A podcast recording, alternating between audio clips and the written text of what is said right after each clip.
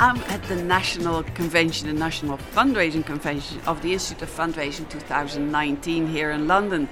It's an exciting environment to be in. There's a buzz in the background of all these people meeting and greeting and talking and discussing. I'm here with David, David Burgess. He will introduce himself, but I'm very excited about our conversation. David, tell us something about yourselves. How did you get here? Uh, hello. Um, well, I'm director of a fundraising consultancy company, so I work with a lot of arts and culture organisations across the UK, helping them to write strategies, um, delivering training on individual giving, developing strategies, trust and foundations, uh, a real mix of things. Uh, and I, I love coming to convention. This is the second year in a row where I've been able to come for all three days. And as you say, there is such a buzz uh, of passionate, clever, witty, knowledgeable people all in the same space, uh, talking about what they know and learning new things. That it's uh, it's always a nice chance to, to spend time with people and yeah, ref- reflect and, and hopefully pick up lots of new information and, and new ideas. And you, but you did, you did two sessions as Yeah. a speaker. Yes, so I've done two sessions this morning. Um, the first one on trusts and foundations. So we set up a charitable trust just for today, and we invited organisations to apply uh, for small grants up to, to £500. And we ended up receiving 35 applications. We whittled it down to the five that we could consider in the room. And we had 100 people that came together to play the role of trustees. So they had to read through the proposals and, in quite a short space of time, decide which ones they were going to fund and which ones they weren't. Wow. So the so the, the delegates, the people in the room, were all of a sudden the decision makers. Exactly, so that they got to see what it's like when you're presented with a funding proposal Yeah. for an organisation you don't know, and you have to make those difficult decisions because uh, all five of them were they were great organisations, meeting really important needs and trying to do really exciting projects. And it's really fascinating when you see it on the other side of the fence. Just a how little time you actually get to read a proposal and to understand it, and you start seeing things that that you can learn from in, in terms of your own writing. You think, Like an example. Give me an example of. well, I think people often forget the, the power of telling stories Yes. in funding applications. And if I'm being really honest, a lot of funding proposals are really boring to read. Yes. Yes. You, they're very dry, they feel very academic, and they don't bring across the passion that, uh, that the fundraisers, I think, have for their work. I think if you spoke to those same fundraisers in the room and got them to talk about what they do, you would be blown away by how passionate they are. Yes. And that doesn't come across on, on paper. Often we think we need to be serious and professional. And yes, I remember asking one of um, a Vermogensfonds, it's called in Dutch, but a foundation, um, if uh, if I could send a picture with it. And uh, the officer on the other end said, "Yes, please send a picture. A story and a picture always helps." I didn't realize that there's real humans at the other end who read my funding application, but that really happens, doesn't it? That's it, and that's absolutely the point. We we forget there are human beings with their own interests, their own passions, the things they care about. yeah. And sometimes we talk to them as if they, as if foundations are a computer or a sort of faceless body making very cold decisions. And what we found this morning through the session is if you can win one person over in that meeting, you can get them to advocate for you and you can get them to inspire everyone else and say, absolutely, we should fund this. Wow, that's really, really good. And then you had another session about football? Yeah. yes, completely What different. What was that? So, well, so the morning session I was working with um, two fantastic fundraisers, Marina Jones, who's at the Royal Opera House, Laura Solomon, who's at the Sutton Trust, and then got to work with two very good friends, fellow Arsenal fans, uh, Richard Sved and Lizzie Hollis, and we were looking at what we could learn from from football, what lessons footballers can learn. Uh, sorry, uh, so what is it? well, so Give we, us some tips. Well, we looked at the role of the manager, Ah, and yes. obviously a football manager has to uh, has to work with a very skilled group of people, but actually can't do very much when they're when they're out on the pitch. And we looked at the contrasting styles of some managers. So we looked at uh, Jose Mourinho, um, Jurgen Klopp, Arsene Wenger. Uh, all very successful in, in their field, but very different management styles. And thinking about what that what does that mean? Um, Jose Mourinho quite directive, he, the special one. Yes. It's my way or or, or you're out. Um, and not necessarily very supportive of, of his team members. He'll quite often criticise people in public if they do something wrong. Uh, and we linked it to situational leadership theory, which looks at different levels of direction that you need to give as a manager, but also the different levels of, of support you need to give.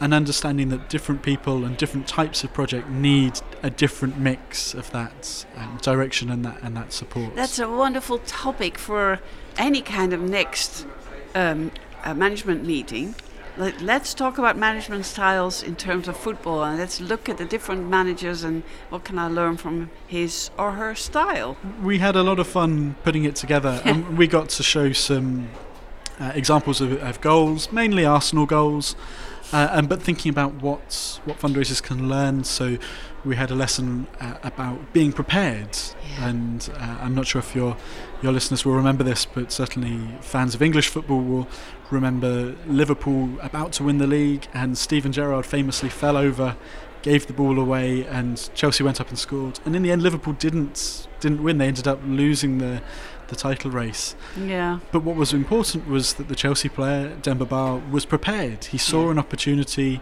He saw that might be something there, and we thought about what that means for, for fundraisers. Yeah. Those opportunities that come up outside of your strategy. Those um, things like uh, Ice Bucket Challenge, No Makeup Selfie, that have been global fundraising phenomena completely out of the blue. And it yeah. was the charities that were able to react quickly, yes. who saw those opportunities as they were starting to emerge, yeah. that were able to, to benefit from those. Wow, wow. And then there's another subject you're really passionate about, isn't it? The re- recruitment. Tell me what you think of recruitment. So I've just uh, just before coming in to record this, we've been to the launch of the Institute of Fundraising's Equality, Diversity and Inclusion strategy. Yes. Recognizing the fact that certainly here in the UK, the fundraising profession doesn't reflect the rest of society. It doesn't reflect the beneficiaries that a lot of charities are working with, and in a lot of cases, fundraising doesn't reflect the broader uh, mix within within charities. So tell me, how does it look like then? Male male people at the top. Well, so what's what's interesting interesting and actually a very sad statistic I think here in the UK is actually the profession itself is largely female dominated. So there are more female fundraisers than male fundraisers. But as you say, it is there are more males at the top. The, the, despite the fact having more females fundraising, they're not uh, represented there in in those top roles. And the IOF, the, the institute, is we need to work out what is going on there and what we can do to to make sure that that imbalance uh, is no longer there.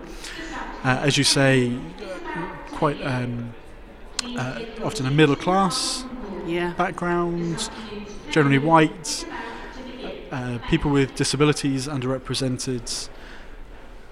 And Gay and lesbian people not always coming out on the work. Well, and not feeling they can be themselves in, yeah. in the workplace. And again, yeah. I think in, in 2019, Peter Lewis, who's the, the chief executive of the IOF, said that's that's really disgraceful that at this time that is still a challenge, and we need to be better at at this one of the things I've been looking at quite recently is the barriers we put into job descriptions that could be um, keeping keeping people out, and in particular, often the requirement for an unspecified degree. Re- uh, yes, as, as a requirement. Level. So having needing a, a university yeah. degree. Universities, again, certainly here in the UK, have a lot of the same uh, equality, diversity, and inclusion challenges that we're facing in the sector. Yes, unfortunately. Are, and more white people going, fewer disabled people going. Middle class people going. Certainly fewer people from low income families going going to university. Yeah.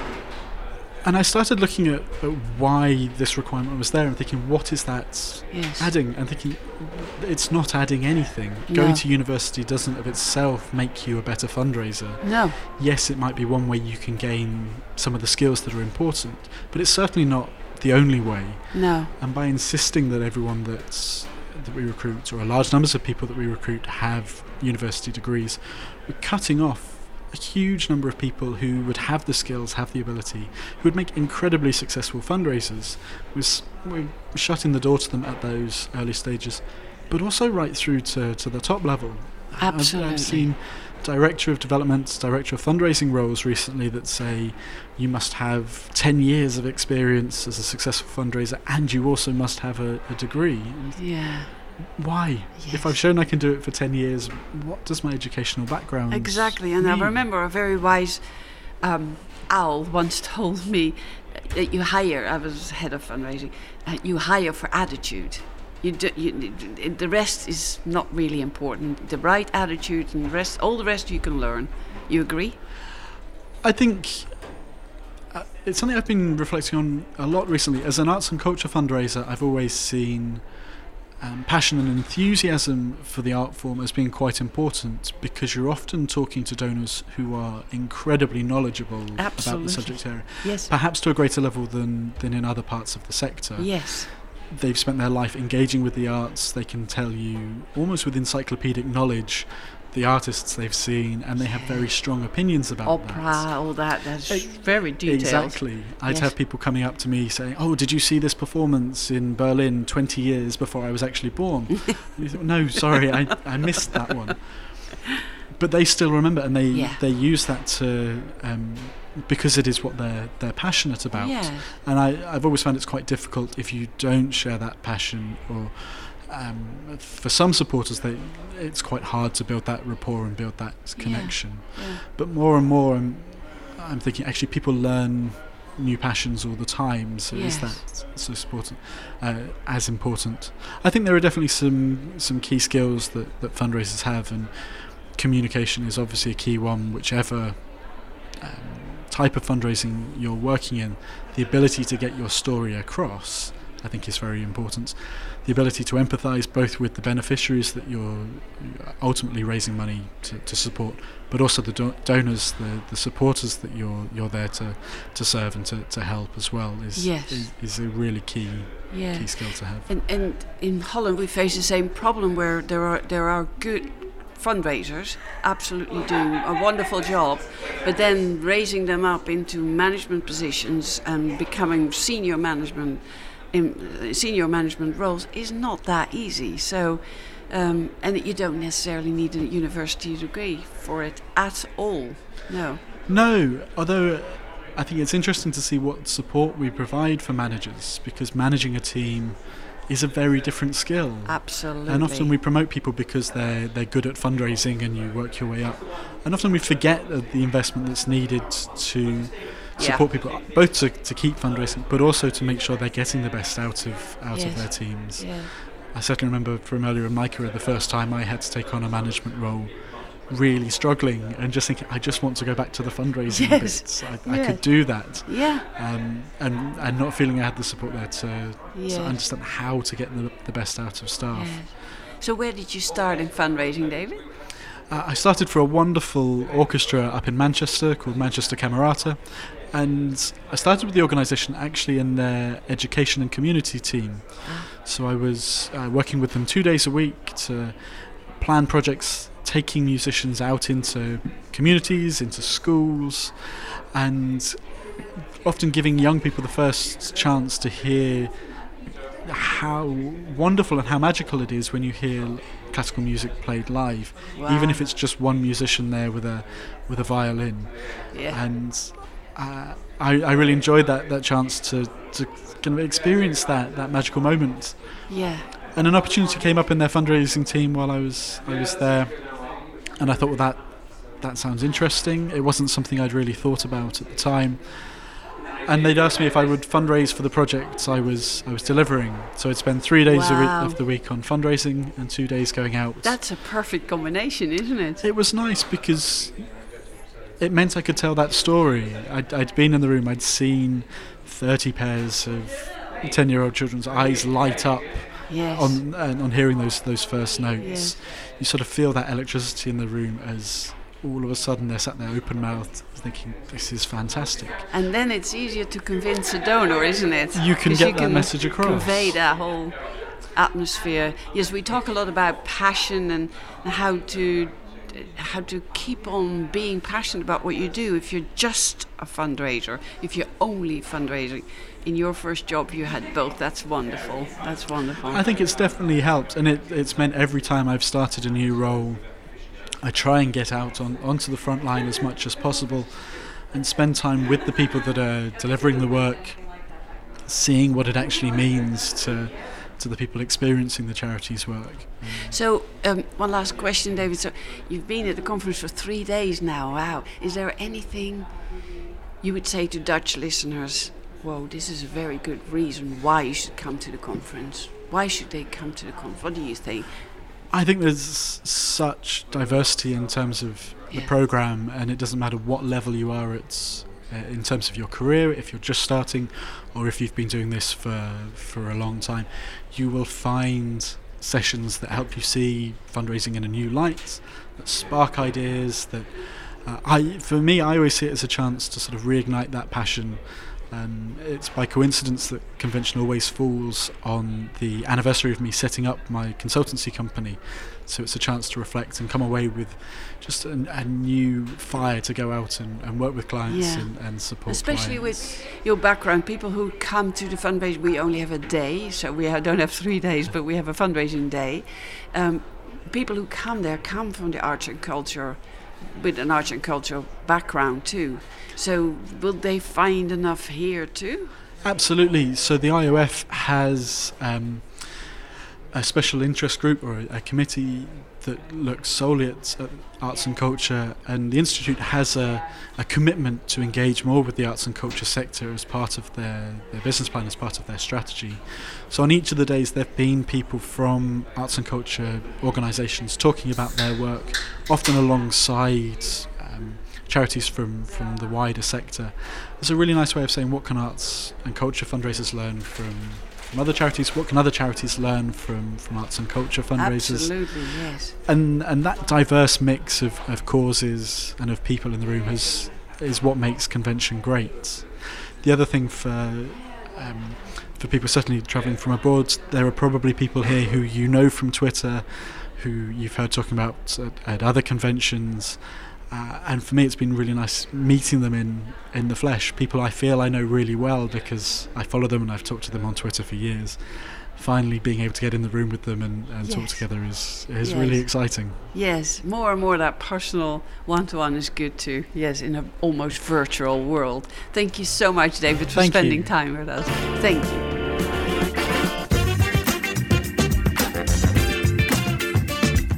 Thank you for listening.